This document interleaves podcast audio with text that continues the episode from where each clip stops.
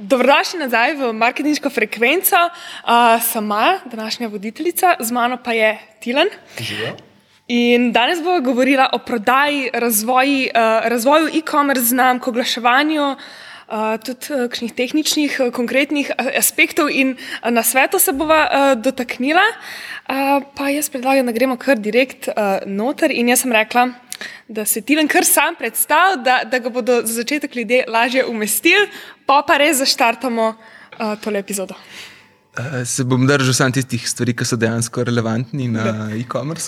No, evo, zmenjen. Uh, koliko je ne, 10-12 let že z digitalnim marketingom, e-commerceom, spletnimi stranmi, pač vse nekaj okrog tega, par e-commerce trgovin že imel prodajalo od, ne vem, tle v Sloveniji, kakšne stvari preko distributerjev do ameriškega Amazona, eBaya, vseh živih stvari. Pa v zadnjih, koliko je bilo, ne, šest, sedem let, uh, je bil. Je bil glavni fokus bolj na agencijskem delu, um, isto pač še posebej, ko se je naprej razvijal, vedno bolj specifično osredotočeno na rast e-commerce brandov preko paid advertising kanalov.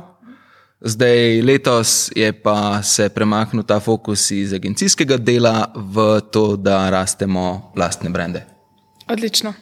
Želiš kar vključiti, kater brand, da bo mogoče? Zdaj, le ta primaren je Medico, so Uh, začeli smo z hair supplements, uh, zdaj gremo še na skincare supplements, potem zdaj imamo v developmentu še nekaj takih različnih, ampak koncept vseh je, kako lahko za nekaj, kar že tako skrbiš, naprimer vem, za lase, imaš šampone, balzame, olja, maske, kakorkoli že, kako lahko za tisto stvar poskrbiš še od znotraj z nečem. Ne? In pač to so bili te beauty means uh, gummy za lase, zdaj imamo pa skincare, probiotike za kožo. Ne? Da kot uh, komplementarno še nekaj narediš od noter za stvari, ki jih že tako delaš od zunaj. Yes, yes, odlično. Evo, in uh, to je bil meni uh, ful dobr uvod, ker se mi zdi, da uh, zelo lepo postaviš temelje uh, za to. Uh, Celo epizodo, ker moja cela ideja, zakaj tudi danes snemamo, pa zakaj sem te povabila. In sem res že kar nekaj časa imela v glavi uh, idejo za točno tole epizodo, ker uh, um, eno leto nazaj, ko smo pač skupaj delali uh, na agenciji s strankami in je bilo res, torej, um, paid advertisement je bil fokus. Um, sem jaz potla nekaj časa, oziroma ko smo štartali to marketinško, frekvenco, sem jaz dobila idejo, kaj če bi mi pač posneli eno epizodo, ki bi bila res namenjena, če si zdaj le predstavljamo enega posameznika, uh, ki zdaj le išče informacije o tem, kako in kaj uh, o e-commerceu. In sem bila tako. Tilen uh, je ta, ta prava oseba, ker se prav spomnim, meni najbolj so v spominu ostali uh, kakšni tej um, majice ali pač sem neke debate, ki smo samo govorili, kaj bi lahko boljš naredili, kje so neki izzivi pri strankah, kje so izzivi pri lastnih uh, znamkah. Skupaj pregledali tiste sprečite, yes. ki imajo profitabilnost, pa kakšni.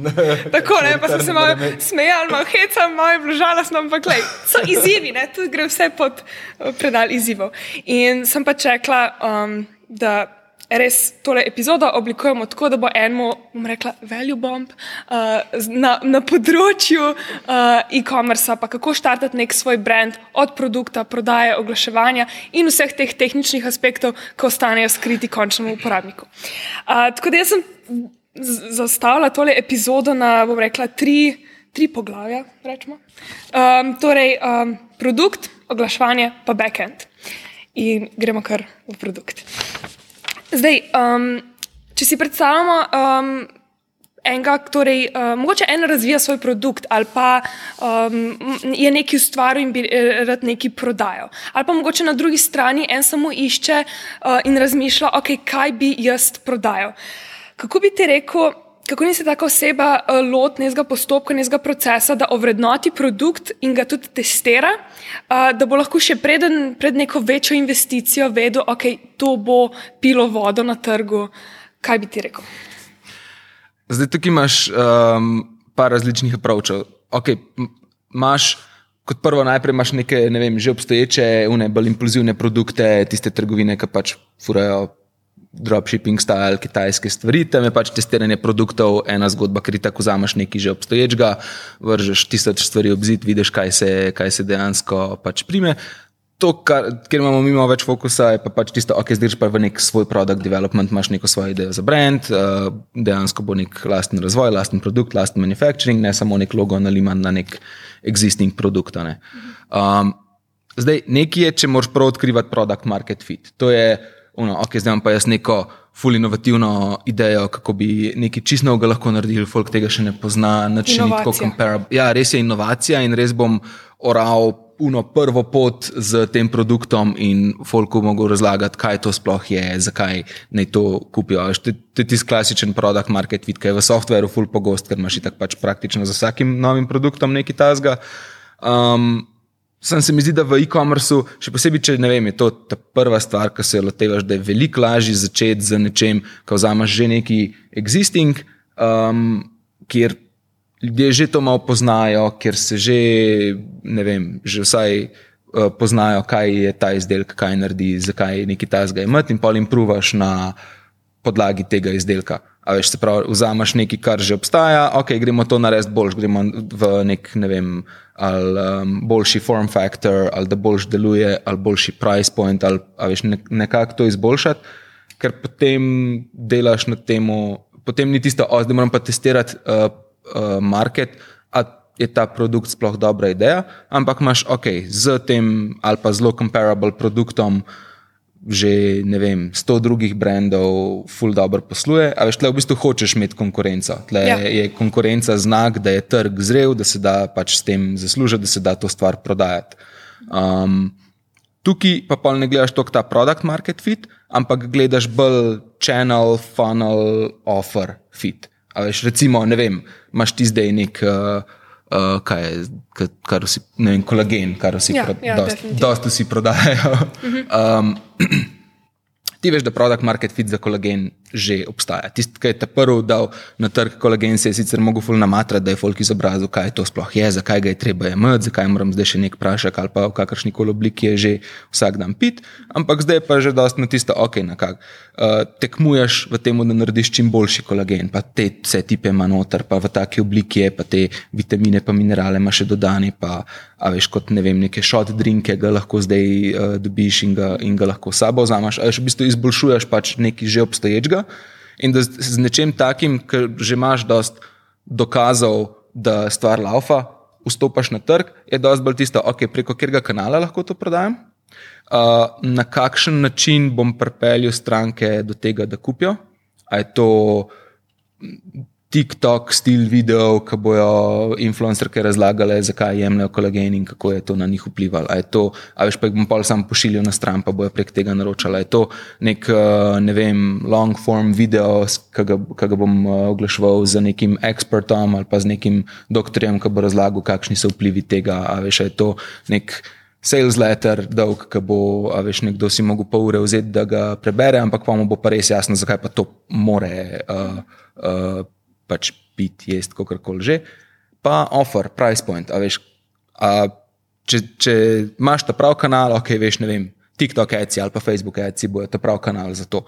Pa to bom prodajal na tak način, da, um, da bom preko UGC stil oziroma influencer stil video glasov prodajal, pa jih pošiljal direkt na product page.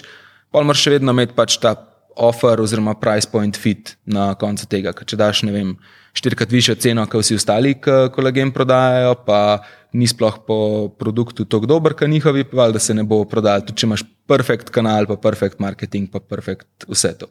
Tako da tam fulbol iščeš.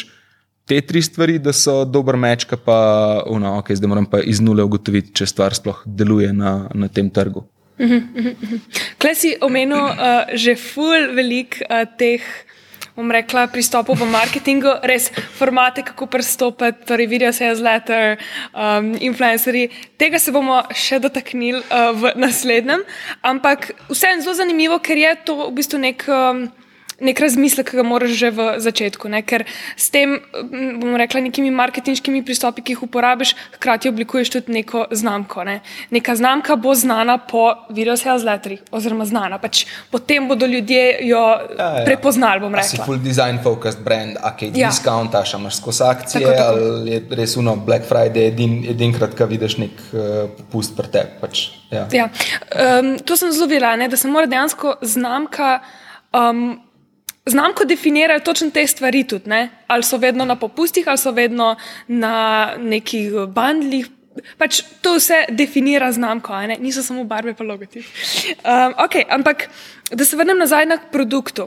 Uh, k produktu. Um, velik znamk, recimo, oziroma ti povej, velik, um, kaj boljše, da se začne z enim, bom rekla, glavnim produktom, ne, produktom, a ne hero produkt, ali kakšni so kle, bom rekla, strategije razvoja celostne ponudbe ene določene znamke? Ponavadi težko začneš z full produkti, še posebej, mislim, čisti iz finančnega vidika. Pač kot direct-to-consumer startup boš vedno cash constraint, vedno glaven.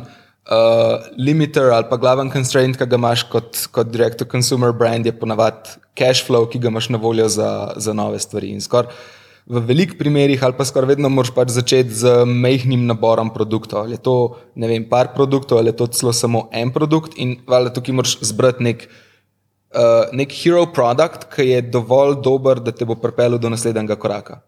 Veš, kaj ti moraš v bistvu s prvim produktom, ki ga imaš, mora biti dost prodajno zanimiv, dost dobro maržo mora imeti, dost dobro average order value mora imeti, da bo tok profita naredil, da s tem profitom lahko financiraš development pa zalogo naslednjih produktov. In tukaj je, mislim, ponavadi začneš z enim in tako čim prej pa hočeš zgraditi uh, več produktov, komplementarne produkte, stvari, ki jih lahko upsellaš, stvari, ki jih lahko bundlaš. Uh, vem, da zgradiš, vem, če si beauty brand, kozmetika, kaj tasga, da zgradiš katalog produktov, s katerim greš pa lahko mogoče v kakšne trgovine tudi ali pa v kakšne e-tailerje. Veš, z enim produktom težko na kjer koli offline ali pa druge kanale, ki pa, pa samo direct to consumer uh, mm -hmm. sploh ciljaš. Mm -hmm. um, odlično. Um, kaj pa v bistvu. Kdaj pa misliš, da je v bistvu tisti naslednji korak? Um, ker poznamo kar recimo nekaj um, znamk, ki so začele uh, z enim produktom in je res zelo dolg čas so pokrivali trg samo z enim produktom. Kdaj je res um, tista točka, ki pa vidiš, pač zdaj pa bo treba na neke, kot si rekel, te bundle, na neke komplementarne produkte. Kdaj je to dobra odločitev, da jih pušaš naprej, pa kdaj mogoče ne? ali bi rekel, da je vseeno?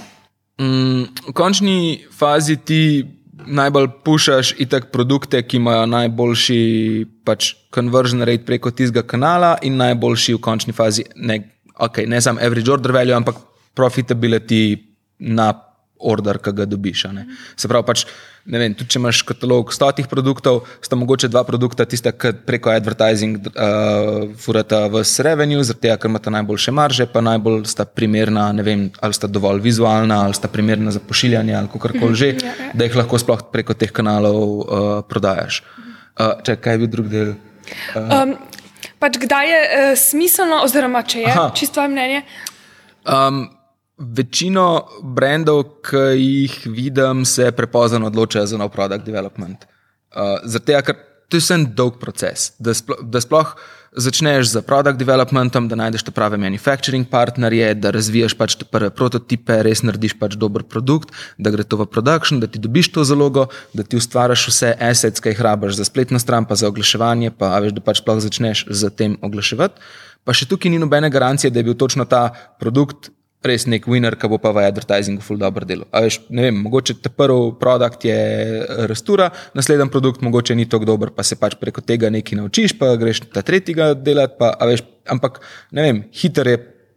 Vem, tri mesece, pol leta imam z, z produkt developmentom za en nov produkt. Še posebej, če greš delati nekaj novega, nekaj zanimivega, nekaj boljšega, da ni samo, no, oh, ja, na Alibabi sem nekaj najdel, pa moj logo bojo gor dal, pa veš, to bo pa nov produkt.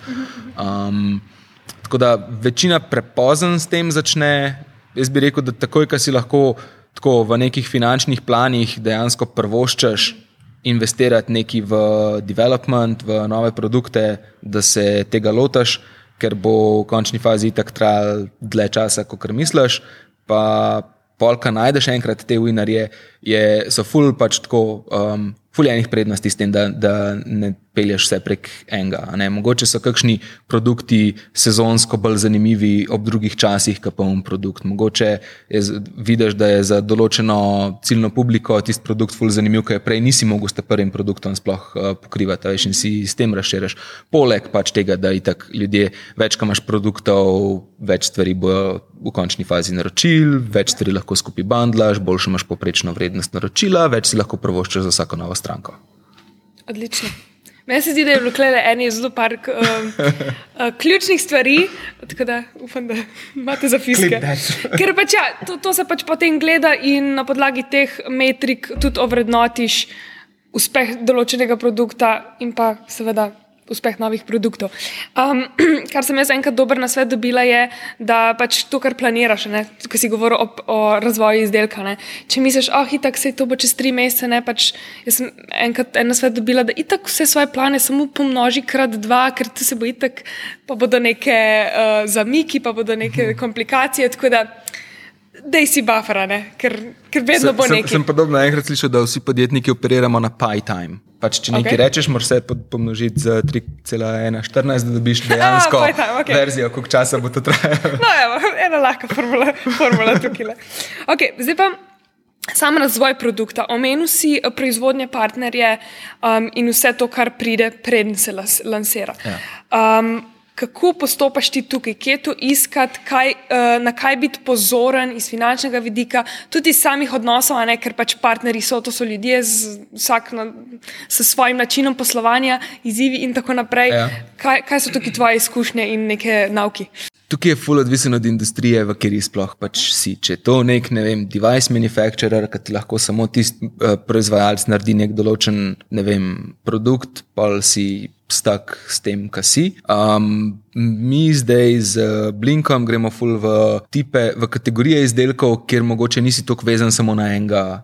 Proizvajalca, ne? Stvari, ki niso zdaj porabne, neke kalupe za brizganje plastike, pa neke čipe, pa ne vem kaj, ampak je okay, primarno zdaj delamo supplements, uh, beauty, pa food and drink. In praktično vsaka od teh kategorij ima že, že v Evropi več 100 proizvajalcev, s katerimi lahko delaš. Vsak, ki lahko nabavi pač surovine, iz katerih ti te produkte delaš, ti bo lahko naredil. Veš, če imaš ti svojo formulacijo za nek kozmetični produkt, ali pa za neke kapsule, ali pa za neko pijačo, vsak, ki to dela, ti lahko v končni fazi to naredi. In imaš tukaj dobro, tako pogajalsko izhodišče, oziroma pač nasplošno manufacturing izhodišče, zaradi tega, ker ne vem, mogoče na začetku najdeš nekoga, ki je pripravljen z malo manjšimi delati, pa bo uh, manjšo prvo zalogo treba naročiti, um, ampak mogoče niso tako price comparative, zaradi tega, ker so pač manjši proizvajalci, ali če surovine kupuješ po tonah ali pa po kilah, je razlika v ceni. In kaj enkrat pač dosežeš, praktično lahko vzameš svojo formulacijo, greš šopingirati naokrog, ok, zdaj pa, pa ne vem, rabimo 100 tisoč kosov na, na mesec, ne 5 tisoč kosov, ne, lahko pa pač tudi znižam manufactured cost of goods, veš, zmanjšam mm -hmm. moje stroške z vsakim tem produktom, z tem, da najdemo enega drugega uh, proizvajalca. Um, tako da glaven, gla, glaven razlog je bil, pač, mislim, eden od velikih razlogov, pri tem, na kere kategorije smo se osredotočili, je bil tudi to, kaj lahko sami manufacturingom narediš. Pa si odvisen, še posebej zdaj le zadnje dve leti, je bilo pač, a si odvisen od kontejnerskega prevoza z Kitajske, a si odvisen od tega, da se bo veš, na stvari čakal tri do šest mesecev. Ker, Čas, ja. kot sem prej rekel, pač glaven bottleneck trenutno je za večino D2C brandov je liquidity. Je, mm -hmm. koliko imaš ti denarja, s katerim lahko operiraš. In če moraš ti ne vem, pet mesecev naprej že plačati enemu proizvajalcu, da bo on potem, ne vem, dva, tri mesece imel nekaj v proizvodnji in pol to tebi poslal, in ti, ne vem, čez pet, šest mesecev to šele dobiš, imaš full negativen cash flow, um, vse denar za zalogo pač je, vem, pol leta že pri tistem proizvajalcu stal. Ti pa ne moreš s tem operirati. Ja. Veš, če imaš pa pač tle, ok, sej, za določene kategorije izdelkov še vedno manufacturing traja dolg čas, tudi če imaš proizvajalca v Sloveniji ali pa v Nemčiji ali pa pač, veš, karkoli Ja. kar tazga, ampak recimo, da je vse malo bolj fleksibilno, oziroma, ker je enkrat izdelek narejen, ponovadi čakaš še ne vem, ekstra meseca. Pa tudi veliko lažje se ti za neke ne vem, plačilne pogoje ali pa kakšne take stvari izmeniš z ne vem. Tovarno, ki ti proizvaja nekaj v Sloveniji, ki greš lahko pač do njih, poveš, kaj delaš, a mi lahko date, ne vem, net 30, net 60 plačilne pogoje, ne, ali pa da plačam, ne vem, 25 postov naprej, pa 75 šle, da dobim stvari ali pa kakšne take. Medtem, ko se je z kitajskimi dobavitelji to zelo težko zmeniti, če ne delaš saj nekih, recimo, da ne vem, 200 tisoč evrov prometa na mesec. Ampak, enkrat na tisti točki, se tudi z, z vsemi ostalimi lahko zmeniš. Oziroma, te, te pogoji ti najbolj pomagajo, se mi zdi, ko začenjaš. Ker takrat si najbolj uno, strapped for cash, najbolj rabiš vsak evro likvidnosti, ki ga lahko, ki ga lahko dobiš. Ja, to si, to si ful dobro povedal. Pač ta čas, pogajalska moč, ki je spet odvisna od, od, od um, ponudbe. Um, in se mi zdi, da se zelo lepo pač navežemo. Uh, oziroma, je nauk za tiste, ki recimo iščejo, oziroma se sprašujejo, kaj bi jaz uh, prodajal. Ne? In ni samo tista prva misel, o meni pa to zdaj le full fine, tako osebno bi jaz ta produkt imel, ampak so tukaj le še zelo, kar nekaj stvari, na katere je treba pomisliti, ali je to, ki odločajo pri tem, ali je to Ja. res dejansko dober produkt. Pobivno. Tako. Ful odvisen, v kateri, uh, zakaj se spravljaš v e-commerce. Če uno, jaz sem, ne vem, um, jaz ful rad peram avte in detailam in zdaj hočem imeti trgovino z temi detailing produkti. Ja, tudi če so težki izdelki, pa slabe marže, pa veliko konkurence, pa mm -hmm. veš, ne vem, pač je uno, o, to je moj passion, jaz to pač moram delati in sem pripravljen žrtvovati ful enih drugih faktorjev, Ja. a ne za to. Mi, ki gremo bolj iz vidika, ali pač če, če štartaš e-commerce bolj z namenom, ok, hočem graditi podjetje, hočem, a veš, zaslužiti, hočem nek out- outcome pač tukaj uh, doseči, ali finančen, ali do, da hočeš podjetje do določene Ja. točke zgraditi, določen, določen scale doseči. Je pa balona, ja, pač vse si probi optimalno zastaviti, že kaj štartaš, zaradi tega, ker je že, že tako je dost težek, že tako je dost težka pot. Če si jo lahko olajšaš s tem, da v sami genetiki, zasnovi podjetja stvari pač um, izboljšaš, ja, Zakaj ne? Ja. Ja, ja, ja. O, To si odlično povedal. Ravno to, pač sam se vprašaj, zakaj začenjaš Ja. ja. neko pot, ne? ker je drugačna in se mi zdi, da nobena formula ni um, enaka drugemu. Tako da vedi, vedi, zakaj si začel, pa iz kje izhajaš. Mm. Tako bi jaz rekla. Okay. Zdaj pa um, najpomembnejša, ključna stvar pri produktu cena. ne? Ja. Takrat, ko smo se pogovarjali, sem, da si ti zelo veliko izhajal uh, um, ceno že na začetku, ne? da si oceni, kakšna bo na koncu in kaj bo se na njo vplivalo uh, že na začetku. Medtem ko drugi, veliko krat pač se pa zgodi v nekaterih primerih, da se pač na koncu na podlagi razvoja tega, kar hočemo, ne, nekaj izberemo, pač se pol šele na koncu postavi cena. Povej ti, kako razmišljaš o ceni, kako ti pristopiš k tem postavljanju cen. Spet malo na to, kar sem prej rekel. Pač, ja, mi iz tega izhajamo. Pač brende, ki jih hočemo znotraj Blinka graditi, hočemo graditi na nekih short to medium term trendih in v roku, recimo, da ne vem, 4, 5, 6 let te brende pripeljati do. Uh, Do tazga revenue, do take točke, kjer jih lahko potem ali prodaš nekim agregatorjem, private equityjem, drugim mm -hmm. večjim, uh, a veš, tem brand, PNG ali pa kakšnim takim Ja. yeah. brandom. In zato da, sploh pač, zato, da je sploh to realna slika, moraš imeti metrike, ki bodo to tudi podpirale. Ne, ne moreš imeti, naprimer, ne vem, full nizke marže, če misliš rast preko paid advertising kanalov, pa um, veš, rast hiter, pač mm -hmm. prideti do uh, nekih um, eight-figure številk v roku.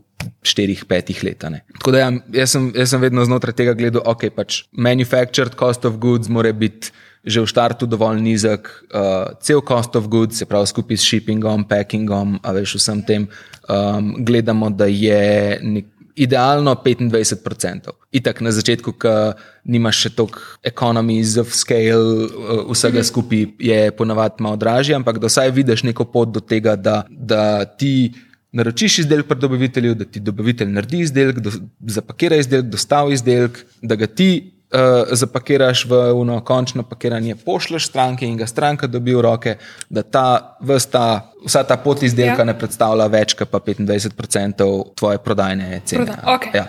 Odlično, odličen odgovor. Uh, se mi zdi, da pač ja, to čisto lepo razvije. Seveda, v drugem primeru, tistega, ki si pa prej omenil, ne, če pa res ti nekaj hočeš, nek svoj pešen, nek svoj produkt, pa pač najbrž bo odvisno na koncu od tega, kar. Ja, pač imaš take marže, ki imaš, pa boš you'll find a way, kaj lahko s tem narediš. Ja. Ja. Ampak vedno je tako, pač, ma, ne vem, recimo, uh, recimo pač, če imaš slabše marže, dolo, na določenih advertising kanalih ne moreš tako hiter rast, uh mhm. -huh. ker si preprosto ne moreš tako prvoščiti za novo stranko, kot si drugi lahko prvoščijo. Ali pa če imaš full nizko poprečno vrednost naročila, če ne vem, je prečna vrednost naročila, kaj imaš na trgovini, ne vem, 12 evrov, 15 evrov, uh mhm. -huh. ja, težko daš 20 evrov za, za oglase. Pač lahko misliš, da ja, se bojo spet kaj naročili, pa veš, pa, kaj ta zga, ampak tudi če hočeš hiter rast, moraš biti profitabilen na prvem naročilu in veš, moraš tukaj ustvariti poprečno vrednost naročila in maržo, da, ti, da, da podpira vse strategije rasti, ki jih imaš v,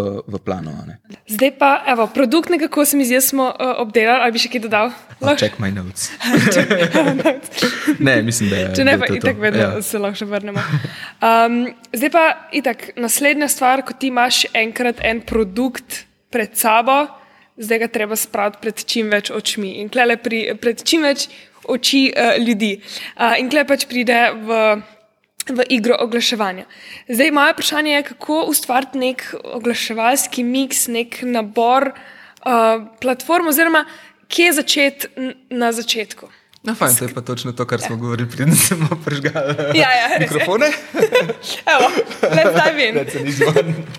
Začneš i tak na enem kanalu, ker pač z prvimi evri, ki jih imaš za pač dati v, ne vem, malo oglaševanje ali pač kjerkoli že, uh, customer acquisition channel, ne moreš iti na multi-channel, pa razpršiti tega po petih platformah, ker ti tako ne bo uh, nekega vpliva. Tudi pač, sam ne boš mogel pohendlati. Ja, še posebej, če ti niso vsi ti kanali že ful poznani, ja. pa veš, res ne vem, na novo začenjaš vse to.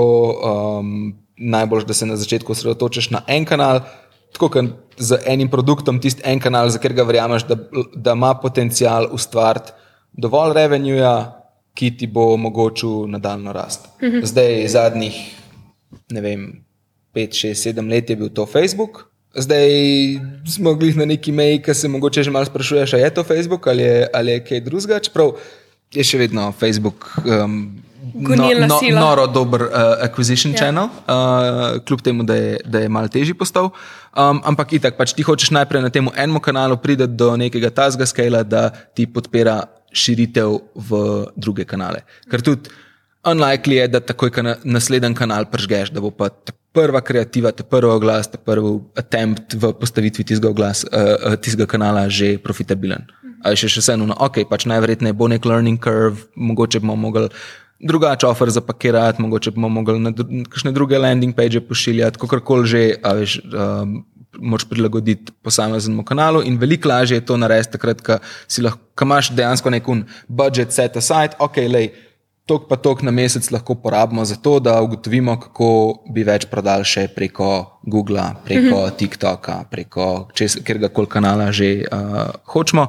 Um, pa da je uno, jo, zadnje evre praskaš in imamo še kaj budžeta, da bi še na, veš, vem, na Google kaj testirali ali kaj tasga. Je pa z vsem tem tracking lossom, pa z vsem, kar se je od iOS 14 uh, spremenjal, se je pa vse skupaj spremenil fulbal na multi-channel mix kar bo mogoče tudi malo stragalo za kakšne agencije ali za kakšne brende, ki so zdaj gledali pač tako po single channels. Veš, mi tok pa tok prodamo na Facebooku, tok pa tok prodamo na mailu, tok pa tok prodamo na Googlu. Um, veš, do zdaj je bilo zelo pač tako razdeljeno in si imel tudi v velikih primerih imel Facebook agencijo pa ja. email marketing ja, agencija. Ja, imaš pač neke specializirane. Sam, zdaj, ko imaš pa um, in izgubo trackinga in mešanje kanalov med sabo, oziroma pač vedno več direct-to-consumer brandov gre iz metrik, ki si jih spremljal na posameznih kanalih, na neke pač lastne tracking tools in na metrike, kot je MER ali pa kaj podobnega, pač marketing efficiency ratio, kjer vzameš vse spende iz vseh kanalov in celoten revenue, ki je bil ustvarjen in pač gledaš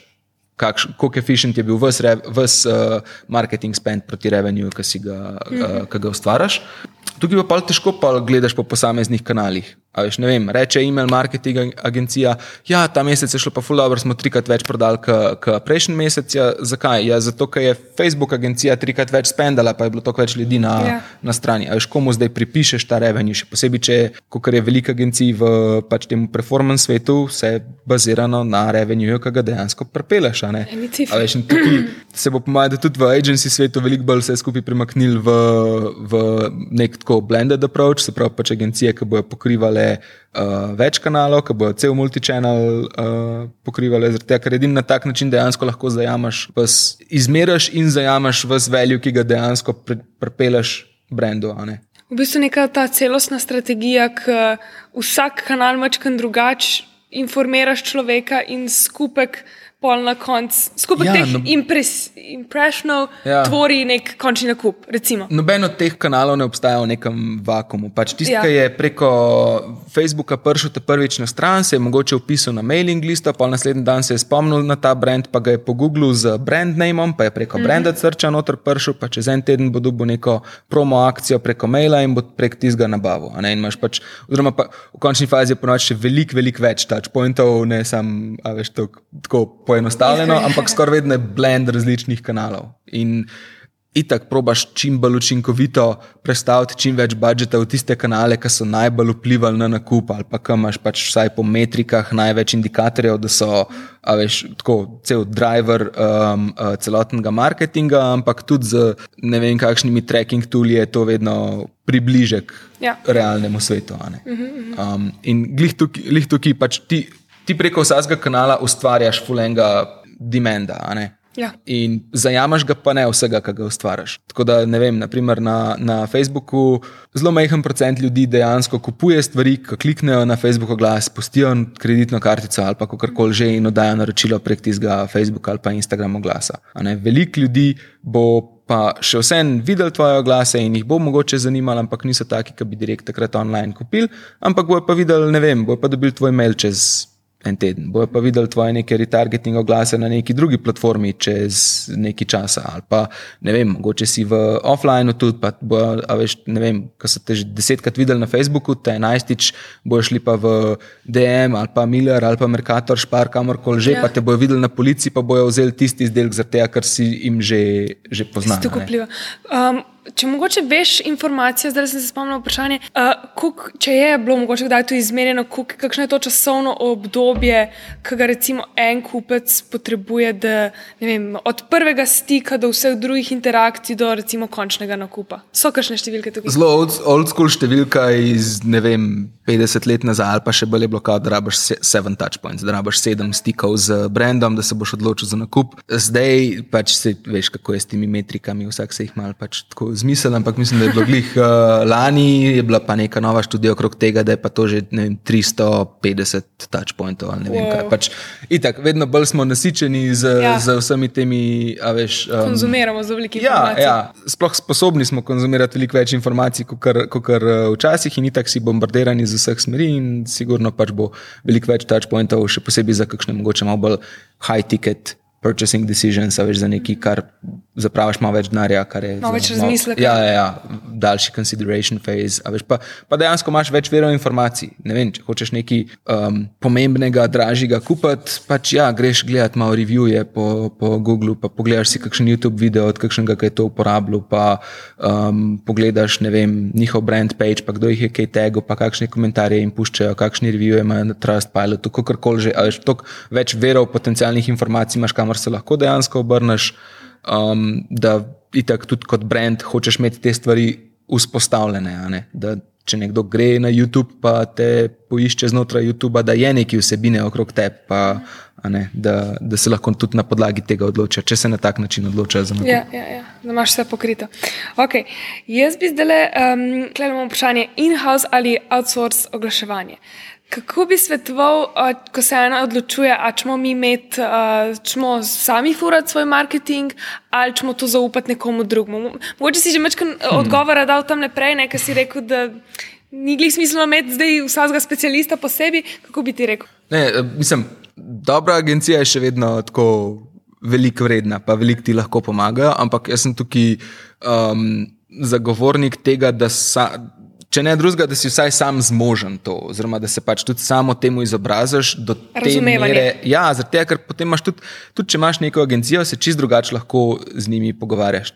Če enkrat to razumeš, če razumeš njihovo delo, če veš, da ne vem, kdaj je so preprosto uh, slabi meseci ali pa težave s platformo ali pa kaj tasga, da ni vedno, ja, ne vem, agencija je lazy. Um, ali pa da kdaj vidiš, ok, ne, dejansko pač je treba stvari več spremeniti, narediti, aha, ok, na tak način testirate. Pač Povejte, kako bo to delalo. Mm -hmm. Drugače, če lahko tudi govoriš uh, njihov jezik. Ja, ja, ja. Je pa definitivno, da tistega, kar sem prej omenil, se pravi nekega platform, funnel, price point oziroma offer fita, večina agencij ne bo delala. Se pravi, advertising je vedno fuel, ki ga dodaš na nekaj, kar že deluje. Ampak ti moraš najprej odkriti, kaj je to, kar deluje. Na kateri platformi bo to, uh, s kakšnim offerjem, s kakšnim anglom, messagingom, tipom prodaje, sploh lahko to profitabilno prodaš. In ko to enkrat imaš, takrat je tudi lažje iti k agenciji. Lej, pač, uh, tako imamo funnel postavljen, tako imamo po, po, uh, poprečno vrednost naročila, približno tako imamo conversion rate na, na tem funnelu ali pa landing pageu ali pa kakorkoli že. Vsak teden delamo full novega uh, raw contenta ali iz vidika content creatorjev ali sami snemamo ali kakorkoli že. Tako da imamo tudi dovolj materijala za nove oglase na, na tej platformi. Akcija. Potem pač agencije, ki so dejansko dobre, takrat res lahko vse to vzamejo in sprintajo za te. Veš, takrat, je, takrat so, mislim, da agencije zelo smiselne. Je pa res, da večina se odloča za agencije tudi takrat, ker nimajo tega še tako ugotovljenega, ne, ker ne vejo še glih na katerem price pointu, na kateri platformi, na, na kakšnem funnelu ali pa offerju ali pa vsemu temu bo pač stvar sploh delovala. Torej, eh, bi rekel, da, da si da si prišparaš to neko razočaranje, boš da sam do določene mere um, gotoviš te kreative, ponudbo, neke spremenljivke, ja. potem pa samo ja, priliješ gorivo uh, s tem, da greš k neki agenciji. Mm. Tako bi se rekel, ja, če greš k eni agenciji, pa rečeš, da ti mi tule. Noč ne dela, ugotovite, kako pa, bo delal. Ja, ja, pa, pa kriviš, ali se ne delajo. Pač predvsem sem razočaran, ker tu ne gre tako, ne, ne, ja. more, ne more ljudje čutiti. Ne, pa definitivno ti kdaj lahko pomaga pri tem, čeprav jaz bi bolj rekel, takrat, ko še ugotavljaš, kako se pogovarjaš s čim večjimi, ki aktivno oglašujejo, ker ti bo 90% ljudi, ki se ukvarjajo z oglaševanjem, bo z veseljem delili, kaj njim deluje, ali pa vsaj dovolj informacij ti dal, da lahko nekaj narediš v, ja, v, v tej smeri, tudi če ti ne bojo direkt, ne vem, landing page ali pa offerja ali pa produkta kazali, ki jim najbolj šlaufa. Bojo vedno dober ver informacij, pa skoraj vedno bojo boljši ver informacij, pa kakšni kursi ali pa guruji ali pa pač mislim. Ja, ker jih vprašaš z direktnim vprašanjem. Ja, pa to se hitro vse spremenja. Ko nekdo mhm. -huh. posname, razen če je to res nek basic kurs, ki ti razloži, kaj sploh so, kaj, kaj vsi gumbi na platformi naredijo in kako vse ja, ja. skupaj, ja, veš, sploh postaviš in osnove narediš. Takoj, ko se greš karkoli malo bolj napreden, ga itak veš, kakšne so osnove in potem ti bolj samo še dajo na svete. Ja, mi pa ne vem, na tak pa tak landing page, ne vem, glih. Par tednov nazaj, um, enemu founderju, mal, eh, founderju, advertiserju, malo težim na Twitterju preko DM-ov, da malo požera, kaj, kaj jim na TikToku deluje. In rekel, ja, pač kar so furali na, vem, na, na category pages ali pa na product pages, fulni convertal, pa so pa naredili nek quiz funnel, quiz funnel in pa super deluje. In pač mailing listo in še vsaka stranka iz kviza je za njih ful več vredna, zaradi tega, ker pa jim lahko res predlagaš. To pa eh, ne morete sam tega produkta vzeti, ampak morate tele štiri, ker vse štiri rabite, glede na vaše odgovore na kviz. Personalizirano. Ja, ja, ja. ja. Na, no, na, evo, na odlično, torej pogovarjate se. Um, in ja, pač čim več jim pisati, teži. Skoraj vsi, uh, ki sem jim do zdaj pisal, mislim, so odgovorili, dejansko delili te informacije, ali pa vsaj neke pametne informacije za naprej. Ali pa tudi, če ne odpišejo, ponovadi zato ne odpišejo, ker nimajo cajt, ali pa so pač too busy. Tud, pa tudi jaz se probam, um, ne vem, vsak, ki ima kakšne vprašanja glede tega. Pač, če, le, če le najdeš cajt, a veš odgovoriti, pa, pa deliti naprej, je dovolj velik market za vse. Ni, ni uno, uh, zdaj, pa, zdaj pa jaz držim te informacije zase, pa noben mu neč povedal, zaradi tega, ker bo pa moja konkurenca ali kar koli. Mm -hmm. Da tudi ti svoje spoznanje daš nazaj. Da se pač vse skupaj ja, razvija. Ja. Ja, evo. Evo, zelo odlično si odprl temo TikToka, neizogibno je bilo. Um, jaz sem pre, prebrala sem en, pač mislim, da je bil tweet, da pač eh, TikTok oglasi so k um, kot eh, Facebook oglasi leta 2007, torej velika priložnost za podjetja.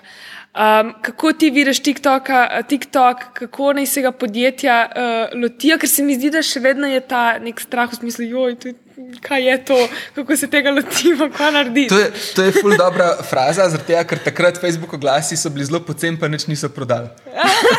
okay, ja, ja. in, in trenutno je TikTok na dosti podobni. Ja, itak, mislim, pač, moraš, nova platforma ne bo imela takoj nakupnih obnašanja ljudi, da bojo preko te platforme kupovali. Ja, Še posebej TikTok, ker TikTok je prvi. Prva platforma, ki je straight entertainment platforma. Vse, vse druge do zdaj je bilo uno, pač tvoj social graph, tvoj social circle, tvoji frendi, ljudje, ki jih hočeš followati, ne vem kaj.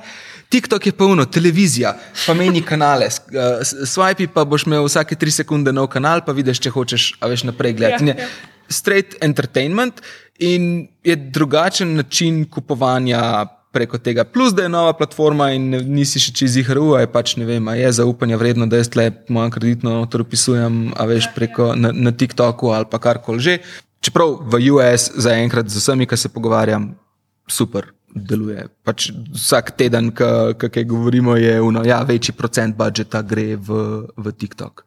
Je sigurno pač spet neka platforma, ki ima, ki ima svoje specifike. Je pa še malo vprašanje časa, preden bo na evropskih trgih dovolj, zdaj, če govorimo zdaj o paid TikTok advertisingu, da, da sploh bo pač dovolj conversion focus, da se bo dal e-commerce profitabilno samo preko TikToka uh. Je pa full dobra priložnost za attention. Ko je to malo no, ok, pač zdaj se gremo performance e-commerce, pač zakaj bi se ukvarjal z attentionom. Če laufaš na TikToku, vsi ostali kanali bolj delajo.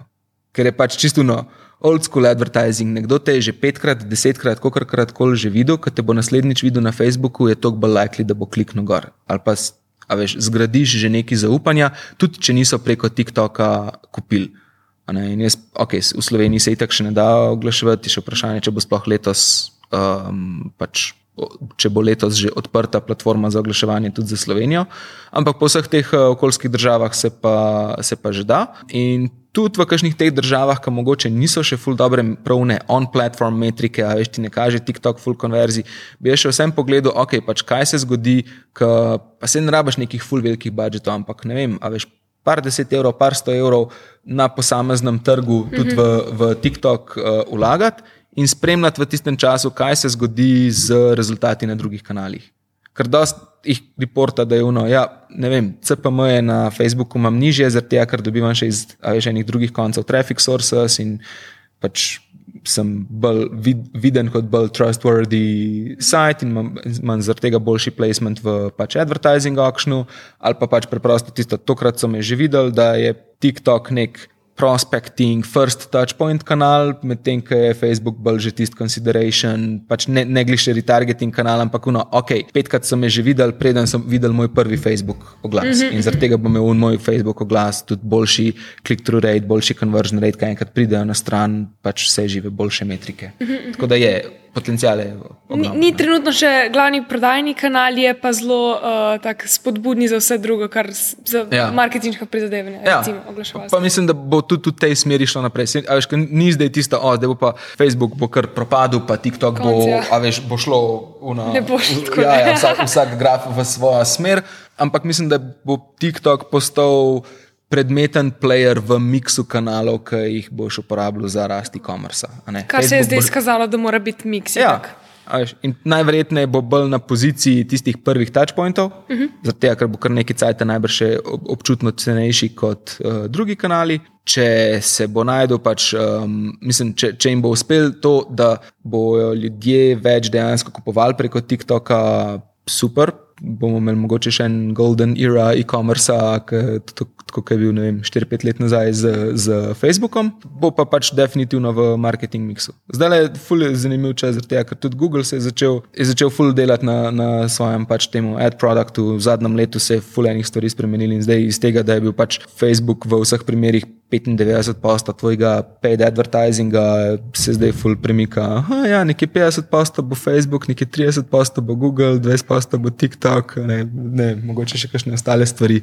Um, da In je definitivno boljš, ker imaš tudi en kanal, mogoče ima malo kakšne krče, Facebook spremenja kakšne svoje uh, algoritme ali pa okšne ali pa kakšne čase ne dela, imaš še vedno neke backup kanale, ki delujejo, ne nisi uno. Na milost in nemilost Facebook algoritma um, prepuščen. To je zelo, to je zelo pomembno, pač dezir, da, da. besede nimam zdaj. Ampak ja, da razporediš. Centraliziraš. Recimo, ne. Uh, tako ja. Dezir, dezir, ne, bor tu bo zrezal. To, to, to. Sem že hotel bor reči, da bo tu zrezal. No, kaj najdem vse. To ja. Pač ja, to je pomembno, um, ker vsi smo videli takrat, ko je bil kaj, par ur mrtev Facebooka, ne? So se mm -hmm. eni ljudje pošteno začeli um, spraševati o njihovih karjerah in usodah. Ja, ja, ja. uh, da, mislim, da je bilo tri leta nazaj, zdaj, kdaj, za Black Friday. Je, um, mislim, da tisti četrtek pred Black Fridayom tako 20-urni delo ad manager ali nekaj takega. Spendali pa še vedno. Tako da si sam po 20 urah lepo šel v ad manager in videl, oh, 80 ur je spendal. To je tvoja darila za Black Friday. ja. ja, lepo, lepo. Ja. Um, no. okay, kaj pa um, organski TikTok? Um, kako um, podjetja, kakšne so kakšne dobre prakse uh, pr, za, pač, za podjetja?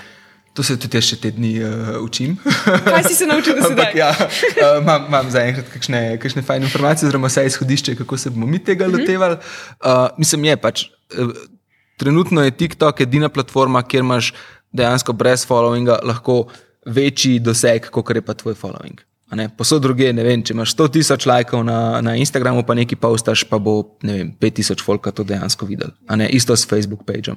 TikTok je pa ono, ja, 500 followerjev imaš, pa ima tvoj video 200 tisoč ogledov, če je dober, če, če je zagrabil pozornost, če je nekaj zanimivega znotraj tega. Um, mi zdaj le gledamo, kako bi za brende pač nek organic presence vzpostavili tudi na čim večjih državah, ker ta TikTok je zelo. V bistvu je zelo lokalen tool, nekaj postaš iz Slovenije, bo to vidno v Sloveniji, če nekaj postaš iz Italije, bo to vidno v Italiji. Tako da pač zdaj iščemo proces, kako bi to vzpostavili v vsaki državi ločeno. Zato, ker pač, če, vsaj naše trenutno razmišljanje je, če se gremo nek globalen profil. Itak imamo vse brende, vse, pač, kar delamo, delamo lokalizirano, zaenkrat večinoma po evropskih trgih, in imaš pač potem mediko.si, mediko.it, mediko.hu, in je vse pač v lokalnih jezikih. Um, in ni smiselno, da bomo pa imeli še, ne vem, bomo še pika konverzijo postavljali, zato da bo nekaj globalnega, pa bomo pač probali iz Slovenije nek globalen rič doseči. Mhm se da s kakšnimi viralnimi videi, pa so pač kakšni tudi uh, slovenski brendi, ki so, a veš, po, po tujini ful uh, rasturali. Uh, ampak v končni fazi je težko z angliškim kontentom pobegati ven iz Slovenije. In smo rekli, gremo reči provat, kako bomo to lahko po lokalnih trgih naredili, lokalizirali tudi TikTok, organic content. Um, zdaj, kar se samega konta tiče, pač ja, bomo mogli ugotoviti nekaj, kako s prevodi to zrihtati, ali da bodo um, lokalni ustvarjalci voice-overje snimali, ali da bodo dejansko oni sami tudi kontent snimali, ali na obstoječ kontent stvari, da ali pač to je še tisto, kjer je, kjer je še veliko gang, pa še ne neki uh, pametnih odgovorov, ampak ja, mislim, da da je vredno raziskati ta kanal, vredno se potruditi, kako lahko z organskim TikTok dosegom nekaj pametnega narediš, ker ima platforma ima ogromno pozornosti, ima ogromno eyeballs, pa ima tudi vedno več primerno, um, uh, vedno bolj primerno starost publike. Um, sicer je, ta, ta je US statistika, ampak um, v US je 40% TikTok uporabnikov nad 30. Tako da, a veš, ni več tisto, ja, to bojo pa sam pač najstniki ali pa folk, ki še nima svoje kreditne kartice, pa folk, ki nima nobenega tako pač. Um, um, tem disposable income, uh -huh. ali da bi dejansko lahko nekaj naročil. Ja, ne, pač vedno tudi vedno starejši so, vedno pač tudi bolj, ne vem, za kakšne resne tematike ali pa kaj tasga, če delaš kontent, boš najdel svojo publiko. Ja, in to se mi zdi, da se zelo hitro spremenja. Še bi rekla, tako pred pol leta je bilo, ah, sej eh, TikTok je samo za, za ta male, pač ne, to se zelo hitro spremenja. Mm. In se mi zdi, da tudi to, kar si omenil. Um, to, da pač se učiš, kaj deluje, kaj ne.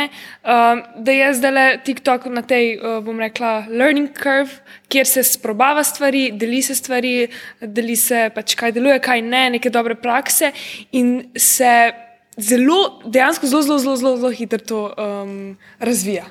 Na enem sweet spotu je zdaj le TikTok, ki je glih. Dosti je velik, da je postal že ful zanimiv. Ne, ne vem, mogoče ne vem, leto, pa pol, dve leti nazaj je bilo še tisto, ok, pač se še ni dosti publike, sploh po teh državah. No, za zabavo. Ja, ja, a veš, pa tista publika, ki je, ja, so res pač, ne vem, najstniki. Um, zdaj pa dovolj je velik, še vedno je pa pač dost. Um, Divina. ja, še, ved, še vedno je dost nova platforma, kjer pa ni, ok, zdaj pa TikTok, vsega Brenzo, pa veš, ne boš mogel z novim kontentom nekega organskega dosega imeti.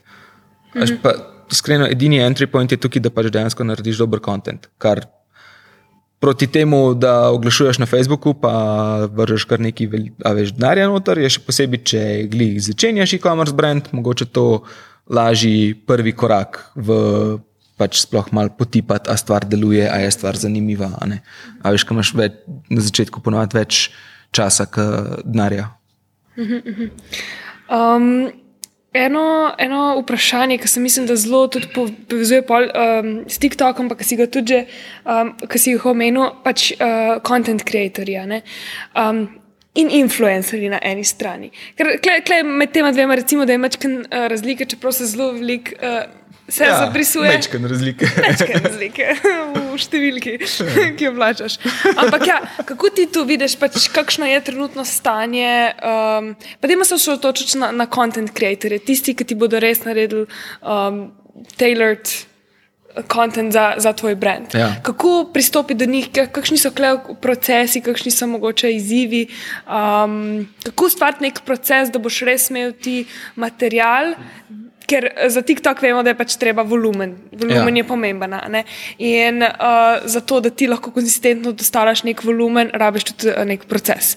Um, kako ti vidiš to ki, uh, v primeru TikToka ali pa drugih? No? Um, bom oboje, tik, um, ja. content creatorje in influencerje. Okay, z content creatorji je itak pač v končni fazi to lifeblood tvojega oglaševanja, zaradi tega, ker pač z večjimi, ki delaš, več vsebine dobiš, več pametnih stvari imaš, ki jih lahko vključiš v oglaševanje ali pa na svoje social profile ali pa pač kakorkoli že te uh, stvari uporabiš. Um, ampak pri content creatorjih v končni fazi ni tako relevantno, koliko imajo oni followerjev, pa kakšen imajo oni pač nek social proof na tistem trgu, skoraj bolj je relevantno, koliko, so, koliko znajo snemati koliko so entuzijastični, koliko znajo zanimive šote posnet, koliko eh, pač ne vem, kvaliteten edit, mogoče znajo na koncu narediti, tudi sami kaj editajo. Um, pa pač kakšne usmeritve jim ti daješ, kakšen kontent dejansko hočeš dobiti. Pač tukaj, ok, ne zdaj, da bi jim to word for word, zdaj moč pa točno na tak način posnet, pa to uh, povedati ali pa kaj tasga, ampak bolj, ne vem, če, če zdaj snemaš material za neko glas, pa da hočeš imeti določene vem, pain points, angles, um, stvari, veš, vem, statistike, benefite omenjene v tistem videu in delaš s takimi content creatorji, ki bojo pač to znali tudi deliverati. Imáš pa na drugi strani bolj te influencerje. Ki je pa, pač tam jim pa probaš, da čim bolj proste roke, ker tam je pa uno, ok, oni imajo nek svoj stik z audiencem, ki ga imajo, bolj, ki jim bom jaz forsiral, na kakšen način mora to povedati, bolj bo stvar fake, zaigrana, um, neautentična in pač jim pustimo proste roke, da sami naredijo nekaj s tem. Um, je pa pa valjda, ne vem, to, to ponovadi niso vsebine, ki bi jih pa potem sam repostil na svoj profil ali pa jih, bi jih uporabljal kot nek način prikaza svojega produkta, ker je ponovadi bolj um, mišljeno za njihovo ciljno publiko, ne pa zato, da bo tvoj produkt točno na tak način pokazal, da bo nekdo, ki bo imel prvi stik z brandom, videl, da okay, je to, to je pa to, to je pa super. Preko influencerjev, če že delaš neke take transakcijske kampanje, da je ono, ok, hočem preko tega influencerja tok pa tok izdelkov prodati. Bojo veliko večkrat prodali to zaradi nekega zaupanja, pa social proofa, ki ga imajo v svoja priporočila, pa zaradi tega, ker bojo točno ta prave benefite v videu veš, um, uh, izpostavili.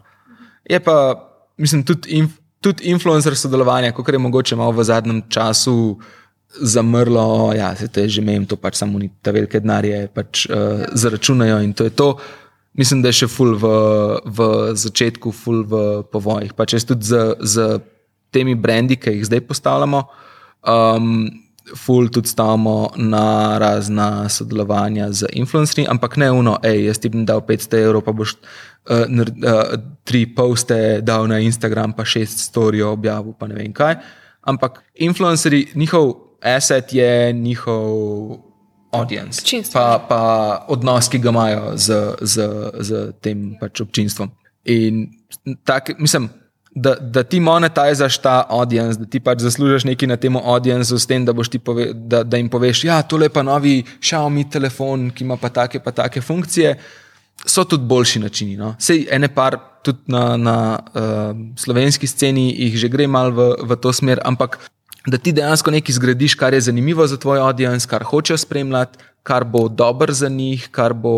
Um, uh, tudi nekaj, kar ti z veseljem ustvarjaš, a ne tale enak. Um, Activewear brand naredila Petra. Petra Parova. Ja. ja. No, ona se mi zdi, da je šla dost v, v pravo smer tukaj, ali pa ne vem, Heidi, naprimer, čeprav ne vem, influencer ali bolj pač celebrity. Ja, ja, ja. Ne, ne vem, v kjer bucket uh, bi jo dal. ja.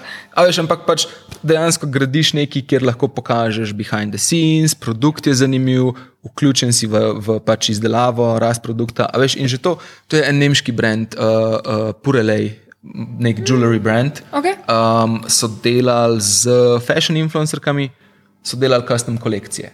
Veš, in, z, si, Oziroma, sicer, podobno kot Jim Shark dela z temi njihovimi. Ja, ja, ja, ja. Veš, in dejansko z influencerjem nekaj narediš, influencer je tukaj vključen noter, ponosen je na končni produkt, dejanski impact ima v izdelavo samega produkta. Veseljen, da ja, tam, tam je bilo, ja, tam je bilo, ne vem, velike influencerke, ki je bilo, ja, le, pač to je kolekcija Nakita, ki sem izdelala skupaj z njimi. Sej še vedno je in moj brand name in tvoj influencer name tukaj noter. Veš, finančno se jim sigurno bolj splača, zato ker pač je ni to one-time deal, ampak se pač cela kolekcija nekaj časa prodaja. Uh, s toliko večjim veseljem izpostaviš to na svojem profilu, ni ono, ja, hitro bom teh šest storijev naredil, da dam to mem, pa veš, pač, da, da sem odklukil svojo mm -hmm. pogodbo, pa dobil svojih 500 evrov, ampak je ono, ok, pač kul cool, nekaj gradim. Odziv, uh, um, pač tako, folka, publike, tvoje followerje, tvojih je skoraj vedno tudi velik, bolj pozitiven, da imaš ti neko random, sorry, reklamo za ljubljanske mlekarne ali pa Merkator ali pa karkoli že. Veš, ali pa, hej, naredila sem, ne vem, je influencerka, ki je full za v home decor in zdaj sem naredila neko to kolekcijo svečk in vaz in, a veš, z tem brandom in omejena je samo na 5000 kosov in pač first come, first serve, a veš, tle, tle imate in tle še cela moja zgodba in cel proces in inspiracija, kako sem se. Vse, to je veš, moje. Ja, In, in že zaradi tega, ker so to njeni followeri, bojo hoteli to, ker je to, pač to praktično, kar njen mrč, kar njen band t-shirt. ja, ja. to, to je pa ona naredila, pa me jaz zdaj doma, ki jo gledam že tri leta na YouTubu, pa followam, pa vse stvari lajkam. In, in pač nekaj tako pozitivnega je, da ona lahko, lahko v vsakem postu to noter, vključno noter, pa se veš, ljudje ne bojo naveličali, ker je pač neka mm -hmm. dobra, pozitivna zgodba za tem. Ker bi se še vedno delili njene zgodbe, njene narative, ja. ki deli z ja. občinstvom. Ja. In to jaz mislim, da je pač tako nasleden korak influencer marketinga, se pravi direktno sodelovanje z brendi, da ustvarjaš neke kolekcije ali pa nekaj tasga pač skupaj s tem brandom, ali pa direkt lastni brendi. Ali pa veš, ne vem, sodelovanje z nekom, ki ti pomaga ustvariti ta, ta lasten brand. Da imaš pač nekaj, za kar si passionate, pa full več ponovadi tudi financial benefite od tega če že nekaj prodajaš svoji publiki. Valjda rajš prodajaš nekaj, kar sam srcem, z veseljem ustvariš, narediš, spraviš na ta svet, ja, ja. pa le tle eno telefon od ne vem, Samsunga, kogarkoli že. Ja, je ja, tako. Um, vse to, pri uh, influencer marketingu, kot nekateri rečejo, ah, tu ne deluje več. La, la. Uh, se mi zdi ključnega pomena tudi, da se jih zbere na prvem mestu, da so avtentični. Oh, ta beseda, ne. Autentik. Um, ampak ne, da so dejansko. Um, da jih tudi ti, ko jih pogledaš, pač, bi jih rad spremljal, a so neki, da te prepriča. Pač ne, ne zbirati zdaj unih, ki imajo res reklame ne, eh, po storijah, ampak izberiti tiste, ki te pritegnejo tako. Ljudje spremljamo ljudi. Um, in na podlagi tega, oziroma tako ja. zelo iskreno, bo moglo biti to, bom rekla, prihodnost influencer marketinga. No. Tako, tako jaz vidim. Itek, zaradi tega, ker z vsemi temi brand kolebi, pa uno, ki pač res vsak brand vzameš, pač zgubiš kredibilnost publike mm, in ja. potem publika neha kupovati in potem tudi nisi več zanimiv za brende, ker pač imaš teoretično velike številke publike, ampak vsakeč, ko koleb s tabo naredijo, pač se številke ne izidejo. Ne? Mm. Se, to je tista klasična zgodba influencer marketinga. Ja, ja. ta ima full followerjev, ampak pač ne vem, veliko več proda pa una druga, ki ima pa desetkrat manj followerjev, ampak ima pa, a veš, zagrižene followerje, ki res radi spremljajo pa vse, a veš, ji zaupajo za priporočili. Mogli bi nekje uvesti metriko, tako audience strength, veš, tako. Uh, Kako ti uh, publika zaupa, dejansko. Ja, tako, ne vem, kako bi to meril, ampak ja, ja. to bi bila odlična metrika za vse ja. podjetja, Fatli, s katerimi. E, če imajo svoje pape, vidiš pač že po tem, koliko jih je dejansko svoje pape na tistih storjih. Koliko ja. jim verjame, ali pa okay, pač tukaj je tudi faktor tega, koliko, je, koliko se jim je zdel zanimiv produkt, pa koliko je bil dobro predstavljen. Ampak mm -hmm. že, že po svojih papih pač daš UTM link noter v, v svoje pape pa vidiš, kje od influencerk je imela bolj engaged publiko, oziroma kakšen procent je dejansko swipe up proti temu, kjer so si dejansko pogledali, ali pa kakšen ima follower count. Uh mhm. -huh. In klep pač pol odpade, recimo, koliko jih sledi, ne? ampak važne so tiste. Važne je, koliko jih spravi na tvojo spletno stran, ne koliko ima številko followerjev. Ja, ja. ja. Simpel je to. Še zadnja, uh, tretja stebr poglavja, kakorkoli že. Uh, jaz sem ga poimenovala backend ampak zdaj. Tako, to zajema v bistvu ene take tehnične zadeve, uh, ki so pa čist. Še zmeraj zelo pomembne, da v bistvu celotna operacija. To je non-sexy in... stuff of running an e-commerce business. To je tisto, kar si reče, joj, tega sem res ne dal. Ja. no, evo. In prva stvar, da čisto pokrijemo, ker je pač nujna. Uh, katere so tiste pač nujne, uh, pravno-formalne zadeve, ki jih mora en imeti urejene, da se lahko gre e-commerce? Lahko sem po bullet pointih.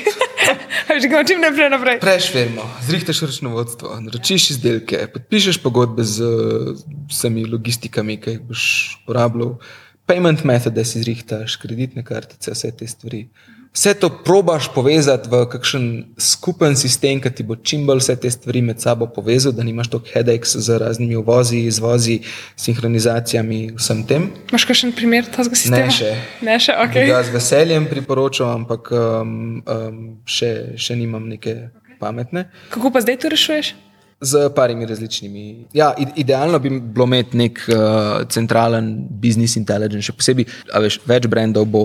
Uh, vsak brand je na večjih državah um, uh, prisoten, uh, preko večjih kanalov oglašuješ. In, ja, idealno bi bilo vse te stvari povezati v en tool, ki ti pač na koncu pove, da ja, na tem trgu si to prodal, to je zaloge, tok, uh, vse, vse te stvari so bile pravilno izdane, knjižene, mm -hmm.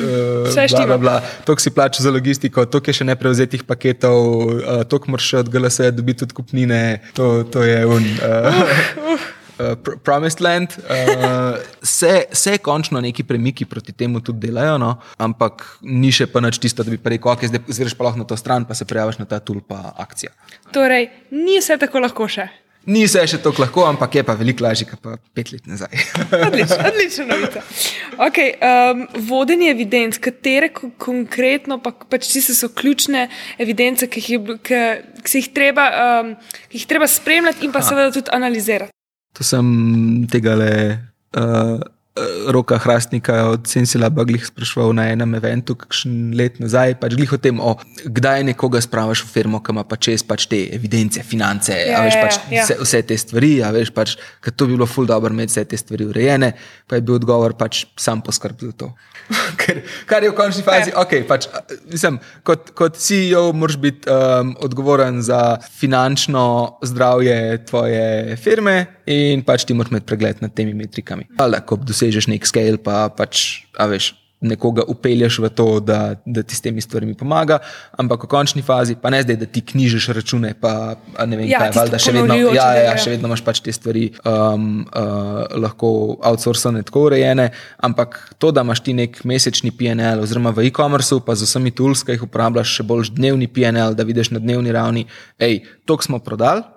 Um, PNL je. Uh, profit and loss statement.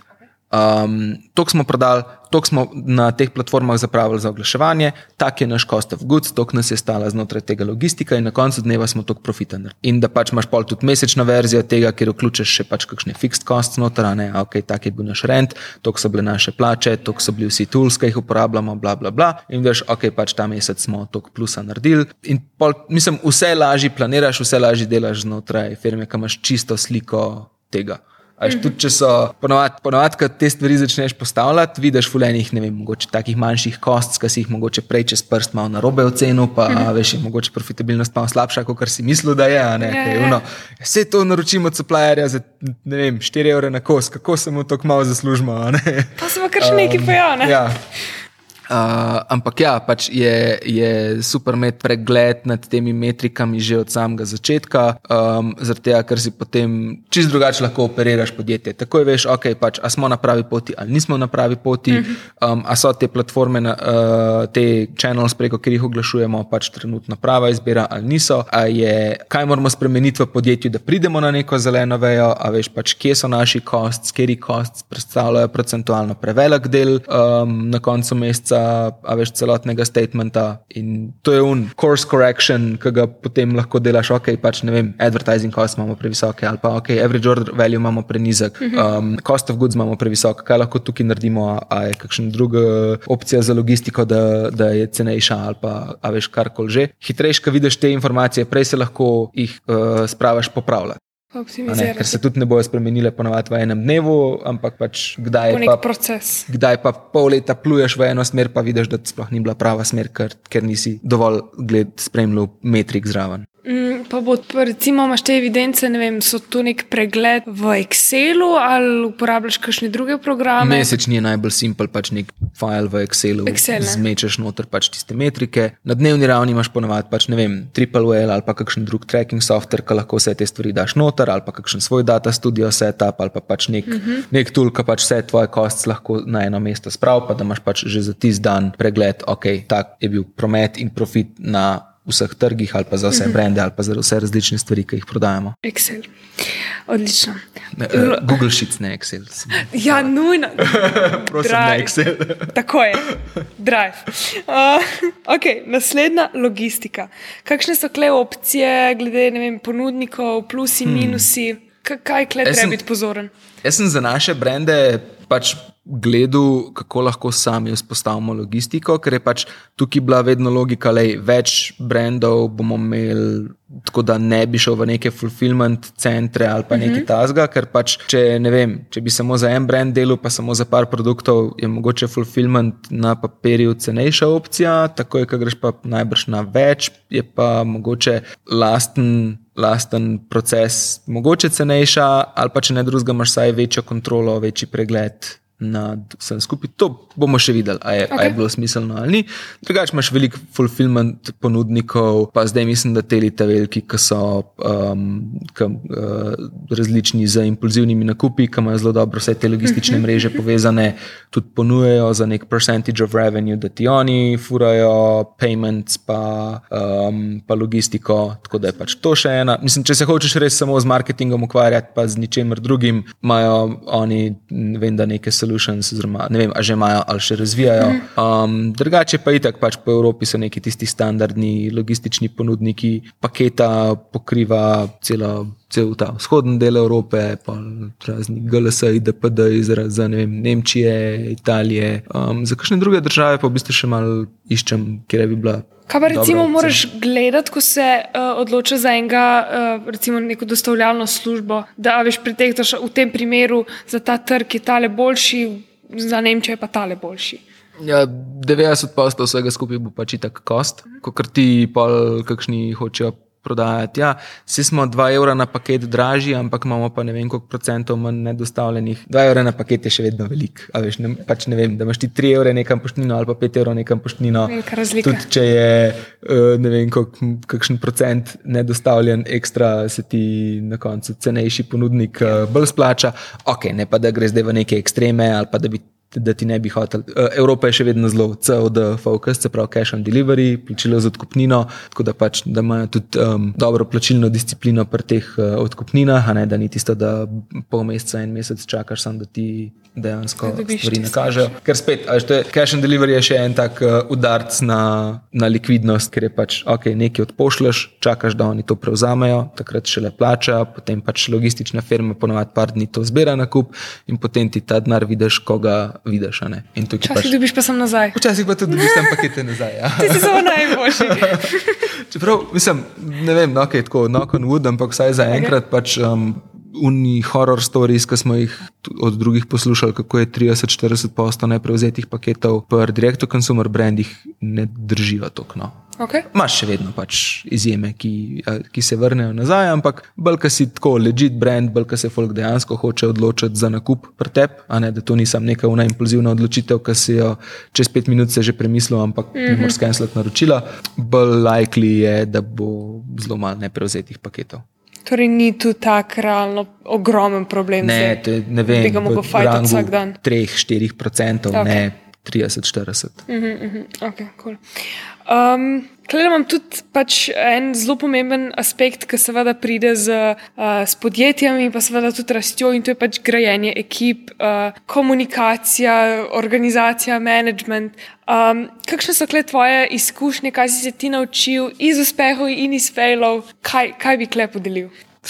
Tle se manj še veliko za naučiti. Uh, tle tudi večino, ki jih sprašujem, ki imajo morda že malo večje ekipe, malo večje uh, firme uh, jih večinoma na to tematiko sprašujem, okrog uh, hiringa, procesov, strukturiranja ekip, zastavljanja uh, ciljev, ne samo na neki na company level, ampak tudi bolj na team ali pa personal level, veš, kako pač neke cilje postaviti tudi za posamezno delovno mesto. Zaenkrat, kar sem jaz probavil, je pač res velik fokus na sistemizacijo, da že v štartu za vsazga od procesov, ki jih imaš, a je to A je to nova sodelovanja z influencerji, ali je to postanje na TikTok, ali je to izdelava novih oglasnih kreativ za Facebook in Instagram, ali karkoli že pač znotraj tega, da imaš čim bolj izpiljene procese, kako se te stvari delajo. Zaradi tega, ker je že tako dovolj enih nijans, pa enih tok težavnosti v vsakem od teh procesov, da hočeš, itak, da se ekipa popolnoma posveča tem stvarem, da, da, da se ne vem, če delaš neke vsebine za, za Facebook, ece, da se posvečaš sami vsebini oglasa, kako, bo, veš, kako lahko oglas naredimo čim boljši, pa joj, kako bom pa zdaj mogel to strukturirati, pa od koga moram še nekaj po mailu dobiti, pa unmo moram še reči, da tisti video naloži, ki smo ga prejšnji teden snemali tam, pa veš, da, se, da se čim manj ukvarjaš s tehnikalijami, čim več ukvarjaš z kreativnim procesom, pa z temi nekimi izboljšavami, ki bojo dejansko na to vplivali. Um, pa da probaš te stvari imeti že čim bolj izpiljene, še posebej za, tako, za prve hires, kako, kaj specifično hočeš s tem, s tem doseči, kaj specifično hočeš, da, da pač se znotraj tega naredi. Um, se mi zdi, da je bil največkrat fail uh, do zdaj je bilo tisto, ok, to bo pa neka taka general, nek assistant, neki, a veš, something, something pozicija, in potem itak ne veš, ne kakšni so cilji, ne na kaj se bo ta oseba osredotočila, ne kaj pomeni za njih uspeh ali pa neuspeh. A veš, kaj je pač uno, a delajo dobro, ja, ne vem, neki delajo vsak dan, pa pač ne vem par mesecev nam je šlo dobro, zdaj nam gre par mesecev slabo, ali pač zaradi njih ali zaradi koga drugega. Ja. A veš, nimaš pa nobenega pogleda. Ja, a veš, če pa tisto, ok, pač uh, delamo influencer sodelovanja, koliko je bilo pač prejšnji mesec influencer sodelovanja, koliko je bilo ta mesec influencer sodelovanja, a smo na istem, a se izboljšujemo, a se slabšamo, če se slabšamo, zakaj se slabšamo, če se bo, uh, izboljšujemo, kaj smo spremenili v zadnjem času, da se izboljšujemo um, moramo, ne vem, kje se stvari zatikajo, ali moramo več outreacha pošiljati, ali moramo imeti boljše briefe, da bojo bolj razumeli, kaj morajo posneti. A veš, pač fulaži optimiziraš neke procese, če je to bolj taka strukturirana pozicija ali pa veš bolj. Točne stvari, kaj, kaj treba znotraj tega ja. delati. Torej, zelo jasno definirati naloge in um, delo posameznika ja. in pa seveda cilje, ki jih treba tudi ja. nekako številčiti, oziroma uh, te glavne metrike. Recimo. OKR, sem jih videl, Objective in Key Results. yes. Odlično.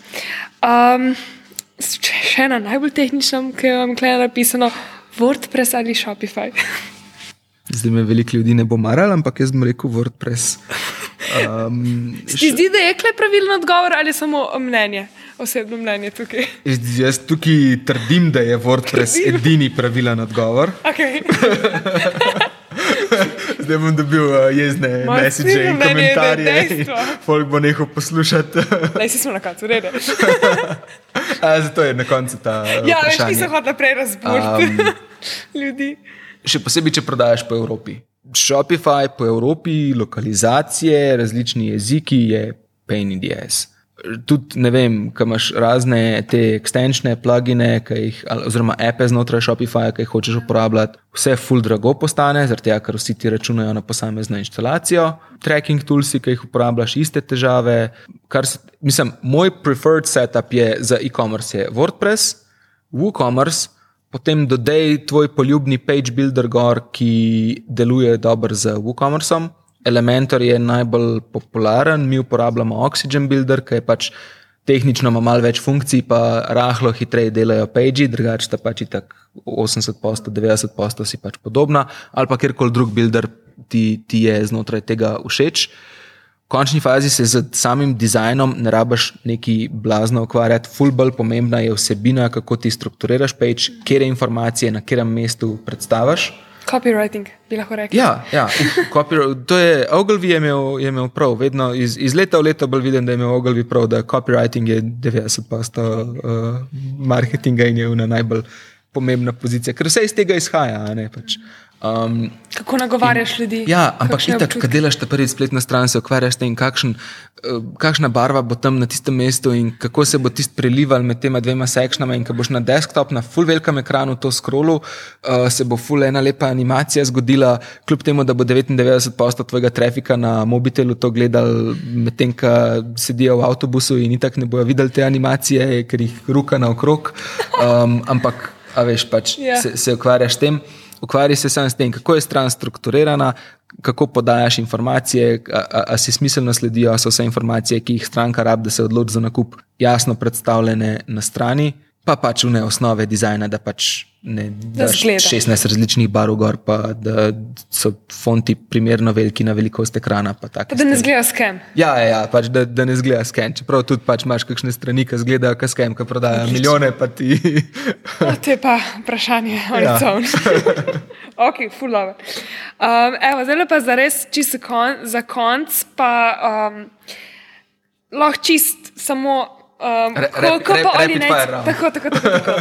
Uporabni veri, neki resursi za platforme, uh, vere za učenje, karkoli, kjer, uh, kamor lahko dejansko uh, ljudje grejo in uporabijo ta urodja.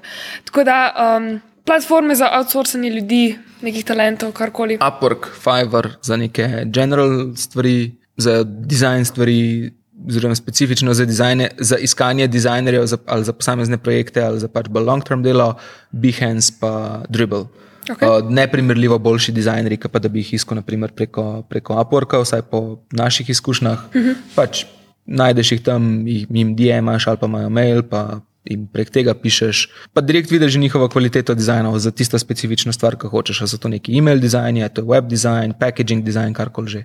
Odlično. Um, orodje za komunikacijo, task management, data storage.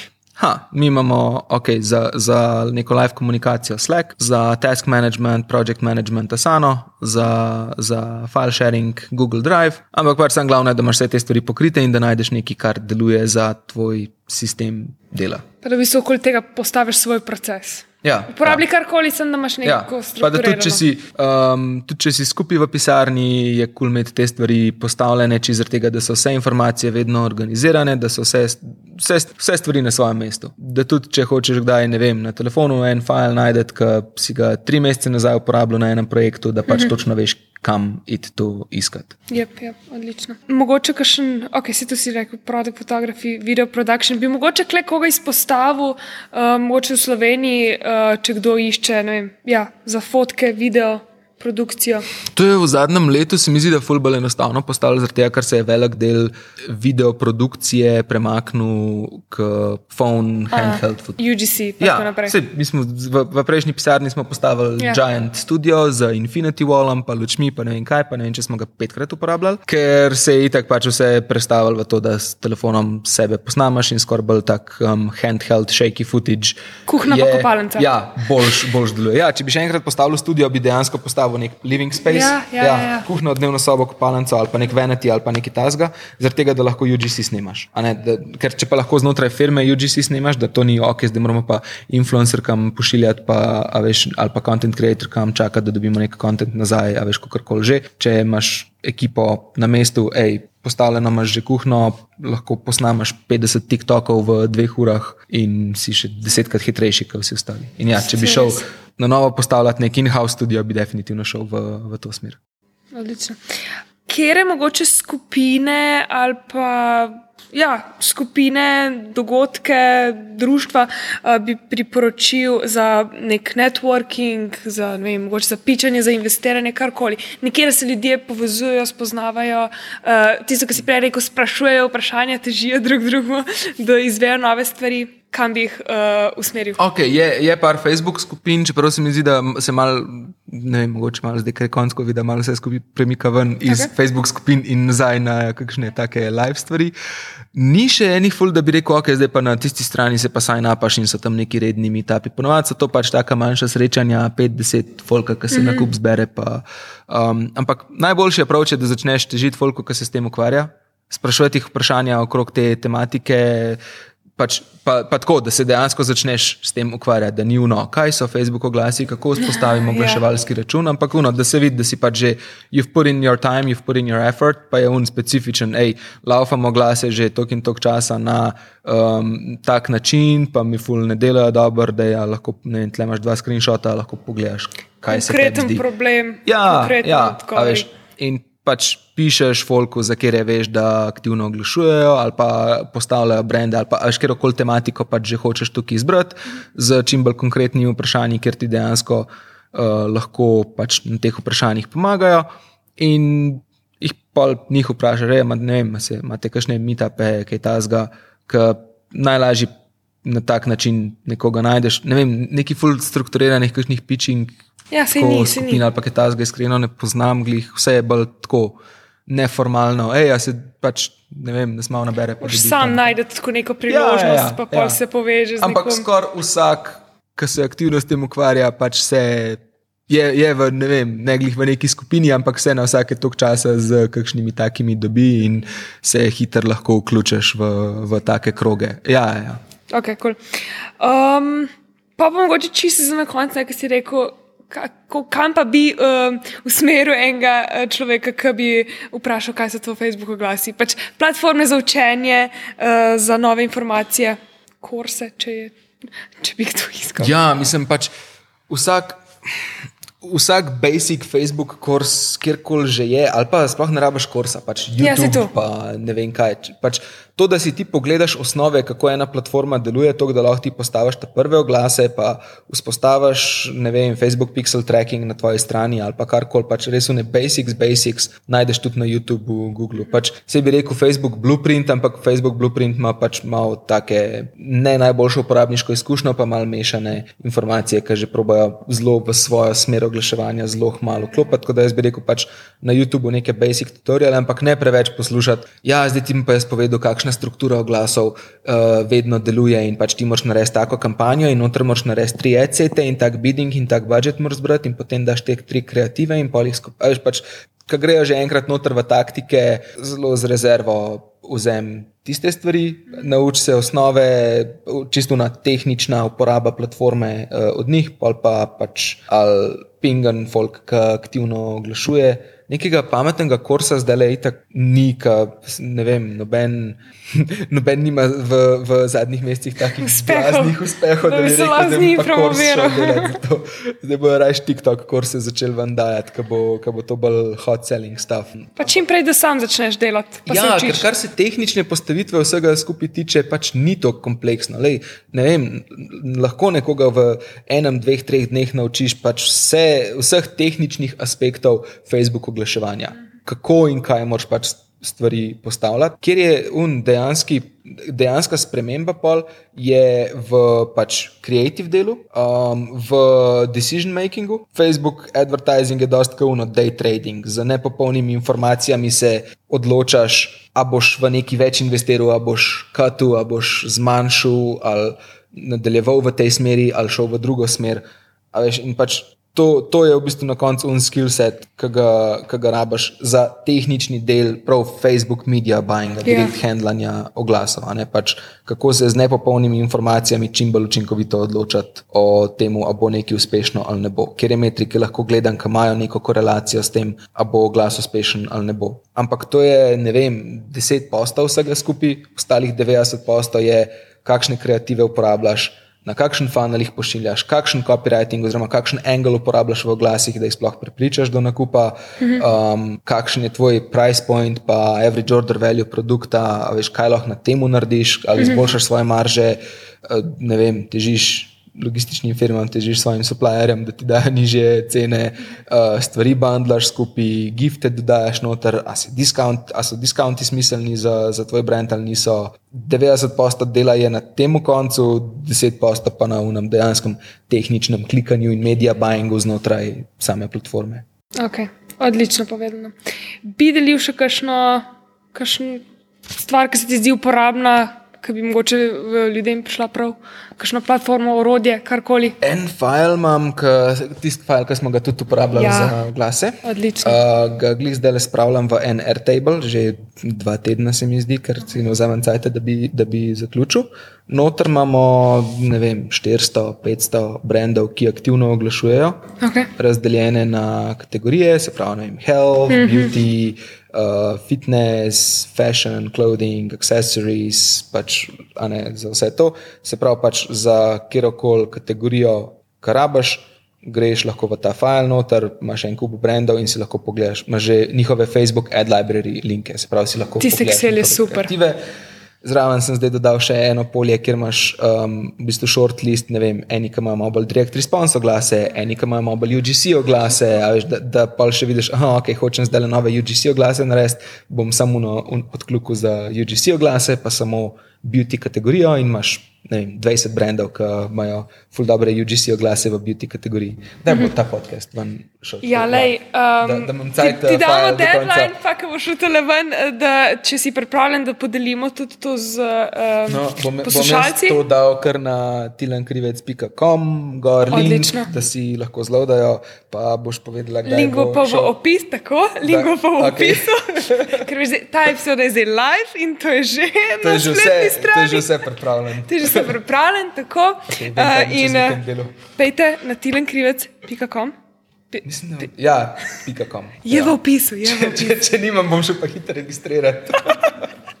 Evo, pač, ker to je res dober Excel. Uh, Ko nek market research na hitro pogledaš, okay, kaj pa on dela, kako pa on nekako pristopa in je zelo uporaben, ker imaš res bogat Excel, par klikov uh, stran si, da najdeš nekoga. Ne zdaj, da bi direkt kopiral te oglase, ampak vel, vidiš, noter so brendi, ki spendajo vem, od 10 do 50 ali pa kakšni še več tisoč na dan na oglasih. In je, zakaj ne bi vzel, zakaj se ne bi učil od, iz nekih best practicev od brendov, ki že zdaj veliko spendajo na oglasih, zakaj bi pač neki od, na novo odkril toplo vodo. Pa, sej, še vedno moraš to Prilagoditi sebi. a Ja. Tako da pač tukaj je full na svet ne gledati specifičnih stvari, ki so v oglasu, probi dekonstruktati oglas v neke osnovne gradnike. Aha, ok, na začetku so imeli nek attention grabbing hook in to so ga naredili attention grabbing, s tem, da so full ultra zoom, makro close-up svojega produkta naredili in pol naredili pullback. In tekstovno so neko vprašanje uh, vzpostavili, zaradi katerega si pač začel razmišljati, ali pa whatever. In to prilagoditi na svoj produkt, ne direkt istih To stvari. moramo isto ja, ja narediti. Ja, ja. moramo pa to isto, kar te narediti, zato ker te pa ful prodajajo in to bo sigurno za nas delovalo. Razberi recept ja. in ga naredi s svojimi sestavinami. Ja, Tako, odlično. Hvala ti. Uh, to je bilo to. Hvala, uh, da, hvala za, za, za tole epizodo. Jaz sem se naučila veliko in upam, da tudi poslušalci.